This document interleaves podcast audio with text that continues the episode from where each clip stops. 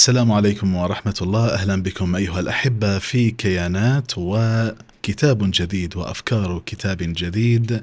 في هذه الحلقة نناقشه مع الدكتور فالح الرويلي. حياك الله يا دكتور. مساك الله بالخير. مساك الله بالنور واهلا وسهلا. حياك الله. طبعا اليوم نحن بصدد كتاب جديد وهو بوصلة المتعة من تأليف آه، ديفيد لندن. آه، ترجم هذا الكتاب طبعا خالد البدراني ونشرته باللغة العربية دار آه، جداول للنشر والترجمة والتوزيع. الكتاب نشر في عام 2011 وترجم في عام 2018 محاور هذه الحلقة ستكون كما يلي. من أين يأتي التعقيد لدى البشر في العلاقة مع اللذة والمتعة إذ أنها حافز أساسي مرتبط بالقوانين والتشريعات والآثام كذلك؟ كيف تحصل المتعة لدى الإنسان؟ وما الجزء المسؤول عن الشعور بها؟ وما آليات عملها؟ هل هناك متعة مدنسة ومتعة مقدسة؟ وهل يفرق الدماغ أصلا في آليته الشعورية بين المتعتين؟ ما أبرز التجارب التي أجريت على البشر لتعديل الميول الجنسية لديهم وهل الإنسان عبارة عن مجموعة من الموصلات العصبية والعمليات الكيميائية فقط هذا ما سوف نتعرف عليه في حلقتنا من كيانات نبدأ ب آه، طبعا آه، استفتاحنا لهذه الحلقة. عرفنا على هذا الكتاب دكتور فالح آه، كيف قرأته وكيف قرأت مؤلفه أيضا. بسم الله الرحمن الرحيم. كتاب بوصلة المتعة لديفيد ليندن واحد من الكتب اللي أجدها كتب تستحق القراءة وتستحق التمعن. الكتاب له قصة لطيفة يذكرها المؤلف في بداية الكتاب أنه في عام 1989 كان مسافر إلى منطقة إلى إلى بانكوك. وأول ما ركب في التوك توك وهو ماشي فسأله سايق التوك توك سؤال. كان يسأله عن طبيعة المتعة أو اللذة التي قدم من أجلها. مم. فقال هل تريد نساء؟ مم. فقال ديفيد لا فقال هل تريد رجال؟ قال له لا. مم. قال له هل تريد بنظرة عاد يعني نظرة شوية فيها نوع من ال- التوجس؟ هل تريد أطفال؟ قال له لا. يا ساتر. قال لك حول لا. فكان سايق التوك توك يعرض على ديفيد ليندن. التساؤل يتلوه التساؤل عن طبيعة اللذة والمتعة التي يرغب بها والتي قدم من أجلها. آخر شيء حد لما يأس منه يأس شديد يعني حتى ما بقى شيء من المتع واللذات اللي ممكن أن يذكر حتى ذكره. حتى صراع وقتال الديكة أعطاه مثال و... و... سأله السؤال عنه ومع ذلك ديفيد ليندن قال له لا. فوقف التيك توك وسأله قال له ما هي المتعة التي تبحث عنها؟ انت قاعد تحيرتني. فقال له أبحث عن مطعم في نوع من البهارات يقدم طعام غني بالبهارات بس. هذه المتعة واللذة التي أرغب بالحصول عليها. هذا الموقف من المواقف اللي يذكرها ديفيد ليندن في الكتاب والتي جعلته يفكر كثيرا. في طبيعة اللذات والمتع المتفاوتة والمختلفة لدى البشر. نعم هناك لذات كل البشر يشتركون فيها ويسعون للحصول عليها. ولكن أيضا هناك تفاوت. الشيء اللي يعجب إنسان قد لا يعجب إنسان آخر وهكذا. فبقي يبحث ويدرس ويريد أن يجيب على تساؤل اللذة والمتعة حتى قادته دراساته للوصول إلى الإجابة التي ترجمها في كتابه. فكتاب بوصلة المتعة هو ترجمة لذلك السؤال الذي طالما أشغل بال ديفيد ليندن وهو أستاذ علم الأعصاب في إحدى الجامعات الأمريكية فهو متخصص في الدماغ وفي متخصص في الأعصاب وهو يعتبر طبيب وبالتالي منطلقاته وتقديمه للإجابة على هذا السؤال راح تكون من مجال تخصصه. ف آه، آه، فالسؤال فالسؤال اللي حير ديفيد ليندن وهو سؤال مهم وملح جدا خلاه يبحث عن إجابة موسعة هي الإجابة التي نجدها في صفحات هذا الكتاب.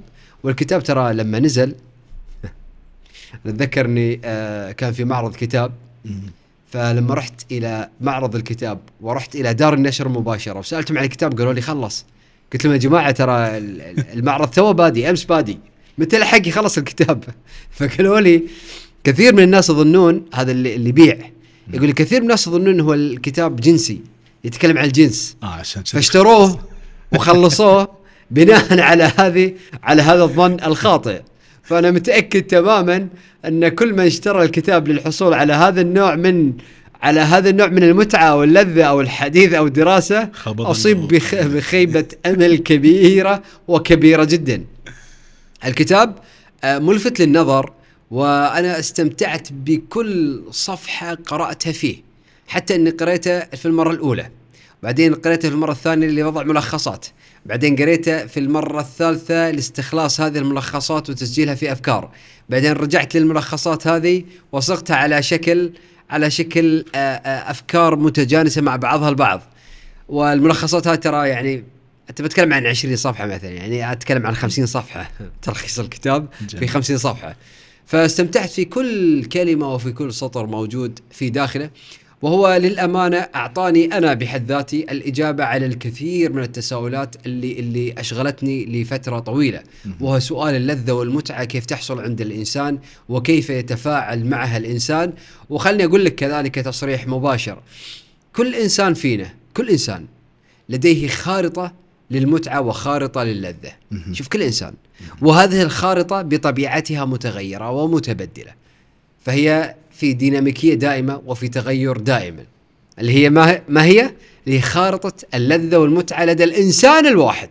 وإحنا هنا ما نتكلم عن كل البشر لا لا نتكلم عن إنسان واحد. وهذا الكتاب يمكن أن يعطيك الإطار العام ويعطيك خارطة طريق لرسم ولفهم نفسك بشكل موسع وأكبر من خلال موضوع اللذة والمتعة. جميل. إذا ما هي الزوايا التي آه، نظر فيها المؤلف لمسألة اللذة والمتعة؟ هناك دائما علاقة متضادة معقدة بين اللذة والمتعة. أحيانا يعني آه، تتوافق ال أو يتوافق المفهومان وأحيانا حتى يعني تحصل المتعة ولا تحصل اللذة والعكس أيضا. تماما.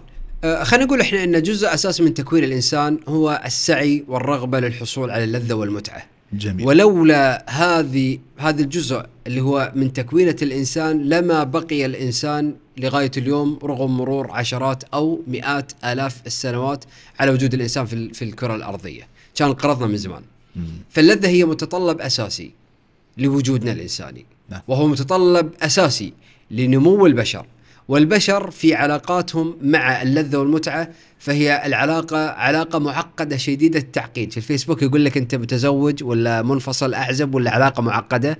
فهي علاقة معقدة. علاقتنا مع اللذة والمتعة علاقة معقدة. والمجتمعات الإنسانية منذ فجر التاريخ الأول وهي في سعي حميم نحو تقييد هذه المتعة أو إطلاقها نحو وضع سياسات خاصة بالمتعة. متى تؤتى ومتى لا تؤتى متى تكون مجرمة ومتى تكون محرمة ومتى تكون مقبولة ومتى تكون مطلوبة. فهذا الصراع وهذه العملية هي عملية موجودة مع وجود الإنسان نفسه وهذا شيء طبيعي جدا. وكما يقول أحد الأدباء الروس فإن للخطيئة أو للإثم ثلاث أعداء مم. التربية والتعليم والقوانين. فلا نستطيع أن نجعل الإنسان أو لا نس... لا يستطيع أن يقوم المجتمع إذا كانت اللذائذ والمتع يمكن اقترافها في أي وقت وفي كل حين ويستطيع الإنسان أن يفعل فيها ما يشاء. لأن الحرية المطلقة هي مفسدة مطلقة ومن هنا نفهم التقييد اللي حصل. هل كل تقييد هو تقييد مقبول؟ قطعا لا. قطعا لا. وفي كتاب الجنس في أديان العالم المختلف يتحدث الكاتب عن النظرة لواحدة من الغرائز الموجودة عند الإنسان وأحد أحد أهم المتع واللذائذ وهي اللذة الجنسية. فنجد أن معظم الأديان أو جميع الأديان بدون استثناء. لديه نظرة معينة ومختلفة ومتضاربة ومتضادة أحيانا في التعامل مع اللذة وهي لذة واحدة اللذة ال- الجنسية. فهذه طبيعة العلاقة الموجودة آه، مع اللذة والمتعة. أكثر من ذلك الكثير من الأشخاص اللي موجودين في السجون على مستوى العالم راح نلاقي أن أحد أسباب وجودهم في السجون هي إما إما تعاطيهم لهذه اللذ- اللذائذ والمتع. أو لترويجهم لها. مثل المخدرات. المخدرات أو غيرها من المتع المجرمة قانونا. فإحنا لما نتكلم عن اللذة أو المتعة راح نجد أن هناك حديث يمكن أن ندخل من باب من باب الحلال والحرام. المدنس والمقدس هذه جانب. ممكن تاخذه من جانب المجرم والمقنن المسموح به وغير المسموح. فإذا تبقى العلاقة معقدة.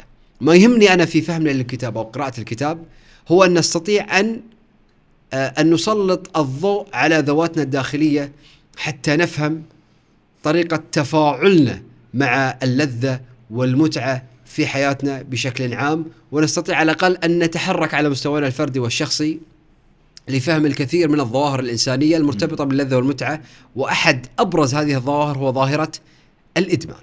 طيب حتى حتى يصل آه، المؤلف ديفيد لندن إلى هذه النقطة التي أنت آه، أشرت لها الآن آه، يعني مسألة فهم ال ال ال النفس الداخلية وما تشعر به من من من تضادات وغير ذلك. هل طرق المؤلف مسألة المتعة من من زاوية التشريعات والقوانين أم أنه يعني طرقها من زاوية كيف تحكم سيطرتك على هذه المتعة واللذة آه ديفيد ليندن في كتابه أراد أن يدخل وينظر للذة والمتعة من زاوية فسيولوجية بحتة من زاوية تشريحية م. أحيائية لأنه هذا مجال تخصصه فهو الآن لا يتكلم عن أن التشريع المقدس أو المدنس المجرم أو القانوني طيب. ابدا بل هو يتكلم من ناحية من ناحية فسيولوجية بحتة. وهذه الناحية مهمة جدا لأنك عندما تتبحر وتفهم عن التفاعلات أو ما يحصل داخل جسد الإنسان نفسه في التعامل مع اللذائذ والمتع فتستطيع على الأقل أن توجد حتى على مستوى التشريعات. لأن عملية اللذة والمتعة مرتبطة بجزء أساسي من الدماغ. فعلى عكس المتصور ليس أجزاء الإنسان مثل اللسان أو آه، أو الجلد هي ما يشعر باللذة أو العين أحيانا لما تشوف أنت. شيء جميل وتحب تطيل النظر فيه. لا اللذة تحصل في منطقة في داخل الدماغ وتسمى دائرة متعة الدماغ المقدم الإنسي. فهي جزء من الدماغ هو المسؤول عن شعورنا باللذة أو المتعة. واللذة والمتعة مرتبطة بموصل عصبي. أحيانا يطلق عليه مجازا هرمون السعادة ولكن هو ليس هرمون هو موصل عصبي. يسمى الدوبامين. فالحديث هنا يدور حول الدوبامين تحديدا. نعم. والدوبامين هو المسؤول هو الموصل العصبي المسؤول عن شعورنا بالمتعة الغامرة عند ممارسة بعض الأنشطة أو تعاطي بعض المواد. فهذه هي الزاوية التي ينطلق منها المؤلف. نعم جميل. ما أهمية ان ان أن المؤلف تطرق إلى هذه المسألة فسيولوجيا ثم نفسيا آه، طبعا لها لها لها أهمية بالغة وأهمية كبيرة، حتى التشريعات لن تستطيع أن توجد تشريعات إذا لم تكن تفهم الإنسان بحد ذاته وكيف يتفاعل الإنسان مع المحيط الخاص فيه وكيف يتفاعل حتى مع المتع. مهم جدا أن نفهم هذه حتى نعيد صياغة والنظرة بالكامل للذة والمتعة، فالكتاب راح يتكلم لك عن الإدمانات بأشكالها، راح يتكلم لك عن عن متعه الطعام، متعة الشراب، متعة الجنس، متعه متعة المواد الكحولية، المواد المخدرة، حتى على مستوى متعة الممارسات والطقوس والشعائر الدينية. فالأمر الملفت أن حتى على مستوى بعض الممارسات اللي هي محبذة مثل التأمل، الصلاة، الترانيم، الأشعار أو الأمور الثقافية أحيانا اللي هي مجرد حديث أو أو أو, أو تبادل افكار مع إنسان آخر، بل حتى الإشاعة. يعني على مستوى الأفكار هذه كلها مرتبطة باللذة والمتعة وبالدوبامين تحديدا. فهذا يجعلنا نفهم ونعيد ونعيد النظر في فهمنا للذة والمتعة. ومن الأمور المهمة جدا في دراسة اللذة والمتعة أن اللذة والمتعة بحد ذاتها يمكن أن تغير من الآراء والأفكار ويمكن أن تجعل الإنسان يقوم ب أو يتبنى حتى بعض التصورات والأفكار بغير وعي تام منه. فتستطيع أن تغرس الأفكار والمبادئ والقيم وتغير من مستوى آراء وتصورات شعب باكمله من خلال بس من خلال منتج آه، فني لذيذ. فهذه واحدة من الأمور المهمة جدا في دراستنا للذة والمتعة. جميل جميل آه، مرة أخرى ال- ال- المنطقة المسؤولة عن اللذة والمتعة في الدماغ آه، ما هو اسمها دكتور؟ آه، ذكرتها منذ قليل اسم طويل جدا يعني هي دائرة متعة الدماغ المقدم الإنسي يا ساتر. عاد بالإنجليزي عاد دورها بنفسك. عشان أقرأ كتاب مترجم. كل اللي يتابعونا من الأطباء يعني. خلينا نقول دائرة المتعة في الدماغ. دائرة المتعة. ونريح نفس ونريح طيب. نفسنا. كيف تم اكتشاف هذه الدائرة يعني؟ الحقيقة هناك مجموعة من الدراسات والأبحاث التي أجريت على الدماغ. وكثير من الدراسات تجرى على عادة عن الفئران آه، بحيث أن بسبب أن التركيبة التشريحية للدماغ فيها نوع من التقارب والتطابق. مع ال الإنسان. في إحدى التجارب اللي أجرت عام 1953 تم زراعة أقطاب أقطاب كهربائية في أدمغة الفئران وانتظرها حتى تلتئم وكانت مرتبطة يدرسون فيها نوع من التعليم. مم. فلاحظوا أنهم آه، لما يحفزون دائرة المتعة في أدمغة الفئران في زاوية ألف فإن الفئران عادة تبقى عند الزاوية ألف. لماذا؟ لأن ارتبط عندها بالشعور الممتع. ثم بعد فترة حاولوا أن يغيروا ويروا هل ممكن تتعلم الفئران بزاوية أخرى؟ فلما كانت تنتقل الفئران وتتحرك ويتم تحفيز دائرة المتعة في زاوية أخرى فإن الفئران تبقى في الزاوية الأخرى. بمعنى أن هناك تغير دائم في سلوك الفئران نتيجة نتيجة الإثارة اللي تحصل أو الوغزات الكهربائية اللي تحصل في أدمغة الفئران وتحفز دائرة المتعة عندما ينتقلون من زاوية إلى زاوية أخرى. فهذا الاكتشاف كان مهم جدا. إذا عندما عندما تستطيع أن تحفز دائرة المتعة في أدمغة الفئران عند زاوية معينة يصير في نوع من الارتباط والترابط بين بين الزاوية هذه والمتعة التي يشعر بها الفأر فيبقى الفأر عند هذه عند هذه الزاوية تحديدا ولما أعطيت المجال الفئران أن تضغط على على على كبسة المتعة واللذة فلوحظ أن الفئران تكبس عليها بشكل مستمر ودائم رغبة في الاستحصال على اللذة والمتعة مهم. فكانت هذه واحدة من الأمور اللي أثارت الانتباه في العلاقة بين التعلم أو التعليم آه، وتحفيز دائرة المتعة في آه، الدماغ. بل اكتشفوا أن الفئران وصلت إلى مرحلة أنه هي صارت تفضل تحفيز دائرة المتعة على حتى الطعام والشراب.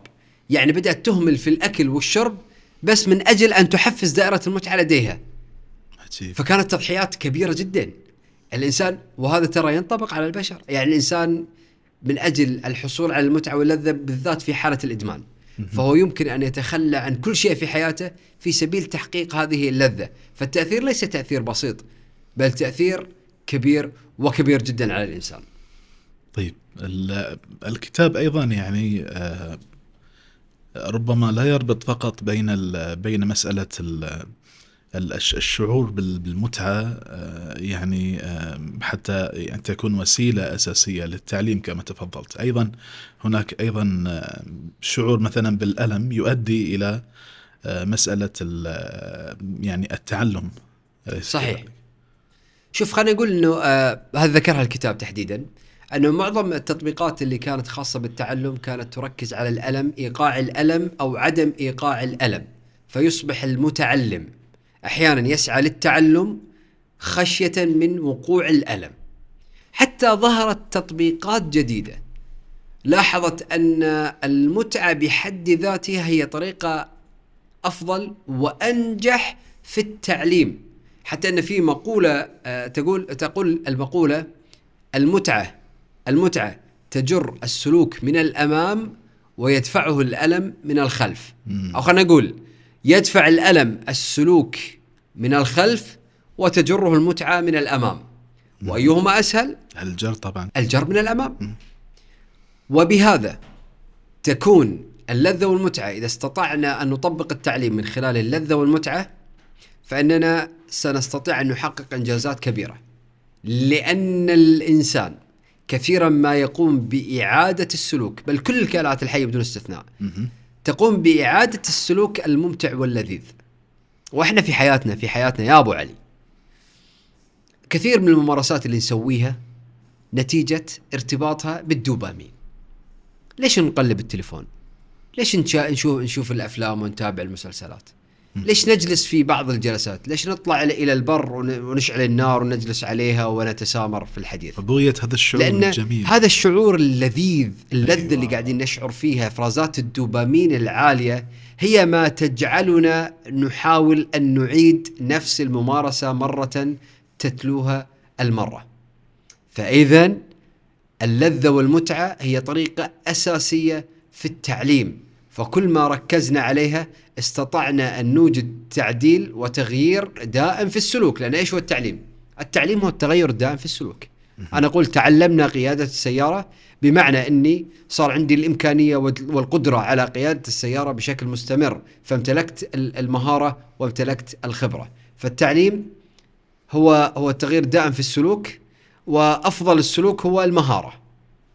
السلوك ولدينا لما تصير آه، فيها خبرة أكبر وقدرة أكبر وتدخل عندك في العقل الباطن مثل السياقة فاقول أنت امتلكت الخبرة في آه، أو تعلمت آه، قيادة السيارة وهذا ينطبق على معظم الممارسات الحياتية دون استثناء. على ذكر تعلم القيادة والسيارة يعني إلى الآن ليس هناك شعور يضاهي مسألة في مسألة قيادة السيارة بقيادة السيارة لأول مرة لا رخصة ولا ولا أحد يراقبك ولا. طالع بالبي من البيت بال- بالخفاء. علشان طبعا. وبالمناسبة شيء علمي لأن اللذة عندما تختلط بنوع من الألم أو الترقب أو الخوف يزيد منسوب الدوبامين عندك. يا ساتر. جميل يا أخي. أنا قريت أنا اثناء بحر في الكتاب بديت بديت أفهم الكثير من التفاصيل الحياتية كيف تتم. وهذا الجمال في في قراءتك للكتاب. لأنه هو راح يعطيك قدرة على التنبؤ على فهم خذ خذ مثال بسيط يعني. آه ليش الأكل اللي فيه بهارات الحراقة هذه تنتشر أكثر؟ ليش؟ لأنها تخلط جزء من اللذة مع الألم. فشعورنا بالحار ترى ما في جزء في اللسان يشعر بالحار أو مو يشعر عفوا يتذوق الحار، إحنا لا نتذوق الحار. الحرارة هذه أو الأكل اللاذع الحار هو أصلا يشعر فيه الإنسان كنوع من الحرق، فأنت كأنك تحرق جزء من جسمك فتشعر فيه بهذه الطريقة. فليش إحنا نقبل على هذا النوع من الطعام؟ لأنه مزج بين الألم واللذة. فالمسألة علمية بحتة. عندما تدمج المتناقضات. المالح والحلو أيضا يعطيك نسبة دوبامين أعلى هذه راح نتطرق ناخ- ناخذها إن شاء الله بالتفصيل لما. نأتي في حلقة تتكلم بس عن الأكل والسمنة شيء في. منتهى اللذة. يا سلام. ومنتهى ومنتهى الجمال. طيب آه بالنسبة لهذا الموضوع هل يمكن أن يتطر- يتطرق أيضا إلى مسألة لا, أقول العبث ولكن التحكم في الميول الميول ال- الشخصية بالنسبة للإنسان؟ نعم طبعا. واحدة من التجارب الموجودة في الكتاب الت- التجربة هذه كانت منشورة في مجلة العلاج السلوكي والطب النفسي التجريبي ونشرت عام 1972 والتجربة بعنوان تحفيز الحاجز الدماغي لذكر مثلي لابتداء ميول جنسي نحو الجنس الآخر. يعني شخص لديه ميول مثلية وعمره تقريبا 25 سنة الآن يريدون أن يقوموا بتحويل الميول الجنسي من مثلي إلى ميول جنسي نحو الآخر. الجنس الآخر. الميول الجنسي سوي. اللي هو السوي. نعم. فكانت التجربة على هالأساس. نجحت. التجربة نشرت ها؟ لكن فيما بعد تم سحب هذه التجربة لأن اعتبرت أنها مناقضة للأخلاق لأنها لم تتم برضا برضا المريض نفسه. بغض النظر الآن عن المسألة الأخلاقية والنقاشات اللي ممكن أن تدور فيها ولكن هذا يعزز الفكرة الأساسية أن الميول الجنسية هي مكتسبة. ركز معاي. الميول الجنسية مكتسبة. شوف هذه الكلمة اللي قلتها الحين كلمة خطيرة شديدة الخطورة. وهذه تتعارض مع مع طرفين وهما نقيضين. الطرف الأول اللي هو يحارب المثلية. أيوة. والطرف الآخر الداعم للمثلية. نعم. كلمتي الآن بالنسبة لهم هي كلمة خطيرة. عند الطرفين ها؟ ما راح أفسرها لأن عندي كتاب إن شاء الله راح يناقش الموضوع باستفاضة. أعود للفكرة الأساسية. إذا هل ممكن تعديل وتغيير الميول لدى الإنسان؟ وبإيش؟ مو أي ميول بعد الميول الجنسي عن طريق تحفيز دائرة المتعة في الدماغ؟ نعم يمكن ذلك. هذا المريض تم زراعة مجموعة من الأقطاب كذلك في رأسه وإحداها لامست منطقة آه، تحفيز دائرة المتعة في الدماغ وكانت الدراسة الأمر آخر يعني. فلوحظ أن المريض لما كان ينعطى الفرصة أنه هو يكبس على على المحفز اللي يحفز كهربائيا دائرة المتعة في الدماغ فكان حفزه مثل المجنون مثل المجنون تماما الدكتور إيش سوى؟ طبعا في تفاصيل أنا ما راح أذكرها تحتاج إنك ترجع للكتاب عشان تقراها طيب فأنا ما راح أذكر كل شيء راح أشير إشارات عامة لأن صعب صراحة أتكلم فيها في البرنامج نعم. فتم آه، إعطاء المريض بعض الصور أو المشاهد المثيرة جنسيا ولكن مو مثلية بل هي لعلاقة جنسية غيرية بين اثنين من جنسين مختلفين ذكر وأنثى. وتم تحفيز دائرة المتعة في الدماغ. بمعنى أصبح يشعر بالمتعة واللذة بتحفيز الدائرة هذه من خلال هذا النوع من المشاهد. طبعا راح يجيك سؤال أخلاقي. هل يحق ذلك؟ هل يجوز ذلك؟ هذه نحطها على جنب. لأن إحنا الحين قاعد نناقش شيء صار وحصل وانتهى. التجربة اللي صارت. التجربة اللي حصلت وانتهت وصارت وعام 1972 مهم. ما حصل انه بعد مرور ثلاث أشهر من هذه التجارب صار تحول في الميول الجنسية لدى هذا الشاب العشريني. فتغير ميول الجنسي بالكامل نتيجة نتيجة ماذا؟ نتيجة إثارة دائرة المتعة في الدماغ والتلاعب فيها إن صح التعبير. وكأنه عولج نفسيا. نقدر نقول إنها كأنه عولج نفسيا. طبعا هذا راح يقودني لشيء ثاني. إذا أنت تستطيع أن تتلاعب بها بطريقة مختلفة كذلك يعني بالعكس. يعني يكون إنسان عادي يسوي طبيعي. فيتحول إلى؟ ويتحول إلى إلى تتحول الميول عنده إلى إلى ميول مثلية. هذه التجربة. طب خلينا نسوي إسقاط واقع ليش لما نسمع ان والت ديزني صار عندها توجه لإدخال بعض الشخصيات. بعض الشخصيات المثلية ذات الميول المثلية للأطفال من شريحة ثلاث سنوات إلى تسع سنوات من ما يسمى بال nursery إلى الصف الثالث الابتدائي. من خلال ماذا؟ من خلال شخصيات رسوم متحركة الرسوم المتحركه إيش تقدم؟ متعة. متعة الطفل قاعد يستمتع وتحط له شخصية مثلية انت إيش قاعد تسوي؟ وتك- وتكون انت قاعد يعني. تغرس الأفكار ويمكن أن تغير وتتلاعب بالميول لدى الإنسان. هي كأنما ت- تطبيع هذه الصورة بالنسبة أي لي نعم. للطفل في فيشوف أنها هي شيء عادي جدا نعم تطبيع كلمة مهمة جدا وكلمة صحيحة في مكانها. فهو تطبيع وهو أيضا يمكن أن يحصل نوع من التلاعب في الميول الجنسي لدى الإنسان. من خلال ماذا؟ من خلال اللذة والمتعة. ومن هنا لما نقول لك ان أن صناعة مثل صناعة الترفيه واحدة من واحدة من أهم الصناعات وكذلك أخطر الصناعات اللي عرفتها الإنسانية على الإطلاق. ليش؟ لأنك بخ- من خلال طبعا من خلال إحنا من كتابنا الحين ما, ما راح أشرح لك ليش وادخل لك في قضية فلسفية طويلة عريضة، لكن من زاوية الكتاب لأنك الآن تقدم الأفكار بطابع لذيذ وممتع للمشاهد. نقطة من أول السطر. طيب. آه، هنا أقتبس من آه، من كلام ديفيد ليندن من الكتاب آه، عن كيفية عمل دائرة المتعة يقول حينما تنشط الخلايا العصبية في المنطقة السقفية الجوفية تنطلق نبضات عصبية كهربائية قصيرة تسمى وخزات. هذه التي يعني ذكرتها في تجربة الفئران. تنطلق هذه النبضات من جسم الخلية عبر ألياف طويلة ورقيقة وموصلة للمعلومات تدعى محاور عصبية. في نهايتها نسيج مختص يسمى نهاية المحور العصبي. في نهاية المحاور العصبية منطقة تدعى النواة النواة المستلقية. حينما ترحل النبضات العصبية الكهربائية من جسم الخلية لتصل إلى نهاية المحاور العصبية تنطلق دفعة من الموصل العصبي الدوبامين المخزن في نهاية المحور العصبي في نقاط صغيرة محاطة بغشاء تسمى الحويصلات. عندما ترحل النبضات العصبية إلى نهاية المحور العصبي تتسبب في إطلاق محتويات الحويصلة بما فيها الدوبامين إلى مساحة ضيقة مليئة بالسوائل تسمى الفلح المشبكي.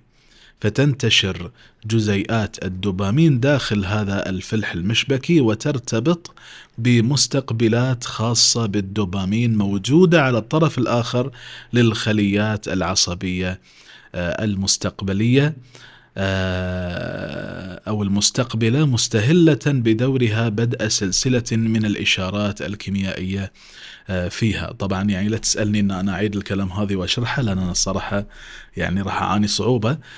بس فحوى الكلام وكأن ديفيد يتعامل مع مع هذه الأمور وكأن الإنسان مجرد موصلات كهربائية وانتهى الموضوع. نعم هذه النقطة تحديدا هو هو فصل فيها أكثر في الكتاب وناقشها بطريقة غاية في الروعة وفي الجمال. نحن لسنا كذلك. هو قاعد يشرح الآن الآلية الميكانيزم التي تحصل داخل الدماغ من بداية المثير إلى نهاية الاستجابة م. من المثير إلى الاستجابة في مجموعة من العمليات المعقدة التي خلق الله سبحانه وتعالى وأوجدها في داخل أدمغتنا وهي تتم بهذا النوع من التعقيد م. فانظر إلى الله سبحانه وتعالى اللي أوجد لدينا العقول اللي استطاعت أن تصل إلى هذا التفاصيل وهذه التعقيدات هل يمكن يكون الأمر أكثر تعقيدا من ذلك؟ نعم قد يكون يعني في المستقبل قد نكتشف أشياء جديدة أكثر وأعقد وغيرها. ف فالعملية اللي إحنا نظن هي عملية بسيطة إنك تتذوق تأكل طعام تشعر بلذة. بسيطة في اللسان وتخلص. لا حبيبي اللي يشعر باللذة ليس اللسان الدماغ. وهذا ينطبق على كافة الممارسات التي نقوم بها. فالعملية تحصل في داخل الدماغ تحديدا. ولكن الأمر أكثر تعقيدا من ذلك ليس فقط من ناحية الدماغ. بل من الناحيه الاجتماعية، من الناحيه النفسية، من ناحية تفاعلاتنا والطريقة التي نتفاعل بها مع كل ما يحيط بنا. النقطة الأساسية التي أريد أن أركز عليها أننا بالمواقف وبالأحداث التي تحصل معنا بشكل يومي فعندنا نوعين من المواقف، في عندنا بالعودة إلى موضوع الألم واللذة والمتعة. فيحصل لديك الموقف. الموقف إما أن يكون حسن وإما أن يكون قبيح. إما أن يكون لذيذ وإما أن يكون مؤلم. إذا كان حسن أو لذيذ راح يصير تم إفراز الدوبامين. إذا أفرز الدوبامين يصير عندك في الذاكرة تخزين أن هذه التجربة هذا الحدث حدث لذيذ ممتع جميل جذاب من غير عذاب ستسعى إلى تعزيز السلوك وإعادة السلوك مرة ثانية وثالثة ورابعة. نعم. في حين لو كان الحدث أو الأمر أو التجربة مؤلمة شعور قبيح ما في دوبامين. الذاكرة أو التخزين اللي راح يصير عندك في الدماغ هو ذاكرة مؤلمة لأمر مقيت وقبيح وبشع فلن. تعيد السلوك. أيوه. نقطة من أول السطر. وهذا ينطبق مع التجارب الحياتية المواقف الحياتية. لهذا لما يجي إنسان يسوي لك جرح يجرحك أو يحرجك في مكان معين مم. أنت كل ما تشوفه راح تتذكر الجرح والألم اللي اللي مر فيه. صحيح. عليك أنك تفعل العكس. عليك أن توجد تجربة طيبة حسنة معاه عشان تعالج عنده المشكلة. ليش إحنا لما تسألني أنا مثلا إيش المادة اللي تكرهها؟ راح أقول لك المادة الفلانية في المدرسة. ليش تكرهها؟ ما أنا ما كنت أكره المادة أنا كنت أكره المدرس اللي درسني المادة هذه. وبالتالي صار عندي ردة فعل مو بس من المدرس بل حتى من المادة صار عندي ارتباط. ارتباط بين الموقف القبيح المؤلم وبين كل ما يرتبط فيه. في ذاكرتي في تخزيني كل ما ارتبط بهذا الموقف مخزن عندي شعور سيء قبيح وبالتالي رد فعل أو سلوك. لما نفهم هذه النقطة راح نفهم وهذه نقطة مهمة جدا لأي إنسان يعمل في القطاع التربوي ل- لأي إنسان ناشط في المجال الاجتماعي. أنا أعرف رجل إحنا خلينا ناخذ تجربة حلوة جميلة. أنا أعرف رجل كان رايح يدرس تخصص إنجليزي. مم. فدرسه مدرس واحدة من المواد اللي أخذها كانت لغة عربية. فأحب وأعجب بمادة اللغة العربية بسبب تدريس وطريقة تدريس هذا المدرس. وكانت في جامعة ليبية في ليبيا. حول التخصص إلى اللغة العربية. ثم أكمل الماجستير في الأزهر. ثم أكمل الدكتوراه في النحو طلع في نحو كوفي ونحو بصري. ما أدري أي واحد فيهم من الأندر. فهو تخصص في النحو الأندر. ورسالة الدكتوراه عنده كانت في في إعراب القرآن الكريم. يعني هو راح لك لواحد من أصعب المباحث في اللغة العربية وهي الإعراب. يعني النحو والإعراب وين وفي القرآن الكريم. فكانت رسالة الدكتوراه هي إعراب سورة البقرة. فتخيل هذا التحول في حياة هذا الإنسان نتيجة نتيجة تلك اللذة والمتعة اللي شعرها بداية مع ذلك المدرس في اللغة العربية. عشان إحنا بعد نذكر الحسن وال صحيح أكيد. والحسن. إحنا نذكر الحسن والحسن. وأنت حسن. فهذا جزء أساسي من سيكولوجيا الإنسان ومن طريقه ومن طبيعة وطريقة تعامل الإنسان مع الأحداث الموجودة في حياته ككل. واحدة من التجارب اللي آه التجارب غير الأخلاقية اللي مرت علي هو هو تجربة علم نفس إنه جاءوا بطفل صغير cute حلو رضيع وأعطوه آه دمية فيها فرو ناعم وكانوا حابين يشوفون المثير والاستجابة دراسات المثير والاستجابة. وكانوا أول ما يعطونا الفرو كان في وراه آلة أداة حديدية معدنية فكانوا يضربونها بصوت عالي. فالصوت العالي كان مزعج ومرعب فالطفل كان يرتعب. بمجرد ما يعطونا اللعبة اللي هو يحضنها ويلعب فيها يقرع ال- المعدن اللي وراه صوت مزعج مخيف فيبتدي الطفل يخاف. اللي صار بعدين إنه صار في مثير واستجابة. ارتبط المثير ارتبط مسكه بالفرو بالشعور المؤلم والصوت المزعج فصار عنده خوف فصار عند الطفل هذا فوبيا من أي شيء فيه زغب وفي فرو ناعم. فهو بمجرد ما يشوف الفرو الناعم يتذكر ذلك الشعور. لا هو ما راح يتذكر الصوت. مو هذه النقطة الأساسية. إحنا في علم النفس يا أخي في تعقيدات وفي جمال. أنا أنا أستمتع بهذه الأمور. هو ما راح يتذكر الصوت. هو ما راح يتذكر أصلا التجربة كلها على بعضها. هو راح بس راح يتذكر أن أو ال- الذاكرة عنده مخزنة أن في عندك شعور مؤلم شديد الألم لما تمسك الفرو الناعم. نقطة من الأصل. ليش كانت تجربة غير أخلاقية؟ لأن الدكتور الذكي بعد ما أنهى التجربة ما حاول أن يعدل من الخلل اللي سواه في هذا الطفل. وكان بإمكان أن يعدل. طبعا آه، طبيب نفسي. يعني يفترض أن. العملية سهلة. ولهذا أنا قعدت مرة مع طبيب نفسي. مو مو استشارة. تقعد معاه. أستشيره نعم أستشيره في بعض الموضوعات وأدخل معاه في نقاشات وكنت مستمتع. على آخر أيامه. فضرب لي مثال جميل. قال لي آه كان عنده آه شاب رجل حتى كان كبير في السن يعني تتكلم عن 30 40 لكن كان عنده خوف وكره شديد كره لأي رجل عنده شنب كبير يخاف يقول بعد ما دخلنا في تنويم مغناطيسي في عمر الطفولة فاكتشفنا أنه تعرض لإيذاء وإساءة عندما كان طفل من رجل كان أكثر ما يتذكره في الشنب. شوف الرابط ال- الموجود رابط مؤلم صحيح عشان ما أطولك في القصة أنا بعد لا تعطيني مجال لاني ترى تعب. أعود للفكرة الأساسية. من المهم جدا أن نفهم علاقتنا مع الدوبامين أو علاقتنا مع المتعة وعلاقتنا مع الألم. فالكثير من ردود أفعالنا أحيانا غير المنطقية مرتبطة ببعض التجارب اللي هي إما أن تكون جميلة وشاعرية وجذابة من غير عذاب وتشرب Red Bull وتستخدم شامبو Pert Plus. Red Bull الحين مقاطعة. مو مقاطعين آسف أنا مقاطع أنت. كل شيء تذكره في ال- كله مقاطع يا الله. يعني حتى تقريبا يعني. والله. كرك خلاص يعني. كرك يعطيك جوانح إيش تبي أحسن من كذي؟ فالمهم ف فكل ما يحيط بنا يجب أن نحاول أن نعود للأساس لماذا؟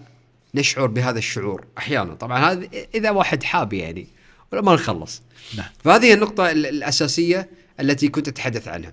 فالدوبامين ال- الجزء المسؤول عن المتعة في الدماغ هو مو بس مرتبط بال- باللذة والمتعة بل هو مرتبط بمجموعة من المناطق الأخرى في داخل الدماغ اللي هي منطقة اتخاذ القرارات والتخطيط والعواطف والذاكرة. فلذلك الإنسان كائن غاية في التعقيد. ما تقدر تقول إلا سبحان الله. وفي أنفسكم أفلا فلا تبصرون. تبصرون. وانت وان تعدوا نعمة الله لا تع... نعمة الدوبامين بس والله ما نحصي لو نعد النعمة نقعد نفصص فيها ما نخلص. فخلنا نخلص الحلقة ننتقل طيب. للسؤال اللي بعده. طيب باقي بس يعني اللي هو جزئية أيضا تتعلق بالدوبامين وتتعلق بالمتعه أو أو اللذه، هل يمكن اختزال هذا الشعور آه، بما فيه من فضائل أو آثام حتى؟ آه، في مسألة آه، دائرة الشعور بالرغبة في في الدماغ أو الشعور بالمتعة. يمكن القول أن الإجابة نعم ولا. من الناحية من ناحية التركيبة التشريحية الموجودة عند الإنسان وآلية العمل نعم الدوبامين مسؤول عن عن هذا الإحساس وعن ارتباطنا وعن ارتباطنا بالتجربة. هذا من ناحية. لكن من ناحية أخرى هو هو يشرح لك الكتاب كيف نشعر باللذة. يشرح لك إجابة سؤال كيف؟ ولكنه لا يشرح إجابة سؤال لماذا. لماذا نشعر بالمتعة؟ هذه المتعة بالتحديد. لماذا نحن في منطقة الخليج نحب شاي الكرك؟ بينما في مناطق كثيرة في الدول العربية ما يحبون يشربون الحليب أصلا. راح تلاقيهم يركزون لك على القهوة مم. أو على الشاي. بس. لماذا في هناك بعد آخر هو بعد السياق الاجتماعي والتأثيرات الاجتماعية. هناك بعد ثالث هو البعد البيئي. لذلك روح روح ادخل على أي دراسات تتعلق بالنكهات والطعام والشراب وغيره. راح تلاقي أن الأمور المفضلة في عالم وفي دولة مختلفة عن ما تفضله ثقافة وحضارة وشعوب آخر. إذا الفكرة أن السياق الاجتماعي له تأثير وتأثير كبير جدا حتى على تفضيلاتنا في المتعة وفي اللذة في طعامنا في شرابنا في لباسنا في كثير مما يحيط فينا. وما يحصل الآن من خلال العولمة وتحول العالم إلى سوق كبير أن التفضيلات الموجودة لدى أمة ولدى حضارة هي ما تحاول أن تسقطها علينا وأن تغير في تفضيلاتنا وفي وفي طبيعة اللذة والمتعة التي التي نرغب بالحصول عليها. حتى في تنميط الأحلام فوصلت ال- ال- التدخلات إلى تنميط الأحلام بذاتها. فشعورنا باللذة والمتعة هو مرتبط بدائرة المتعة في الدماغ ولكن ما يجعلنا نشعر بالمتعة باتجاه هذا السلوك أو ذاك أو هذه الممارسة أو تلك هو أمر يكون خاضع أحيانا للسياقات الاجتماعية التي نعيشها في حياتنا اليومية. نعم إحنا الظاهر ما راح نختم حلقة اليوم يعني فذكرت شغلة وأنت قاعد تتكلم آه، أيوة. ابو صلاح آه، يعني م- مسألة الخضوع للسياقات وغير ذلك تذكرت ال- الرقصة اللي قام بها ذلك الشاب أمام يعني ال- النيران المضطرمة في في في الأراضي المحتلة لما لما قام بالدبكة. ويعني نعم أيوه. هو- الآن يشعر بال- بالمتعة وال- والإنجاز يعني. متعة وإثارة مع ال- جنود صهاينة قدامه. وسط الخطر يعني. كفو عليهم يا أخي كفو عليهم. والله هذه أحلى خاتمة نختم فيها الحلقة. يعطيك العافية يا دكتور. نشوفكم إن شاء الله الحلقة الجاية. وشكرا لكم آه، مشاهدينا ومتابعينا. إلى اللقاء في كيانات أخرى. نستودعكم الله.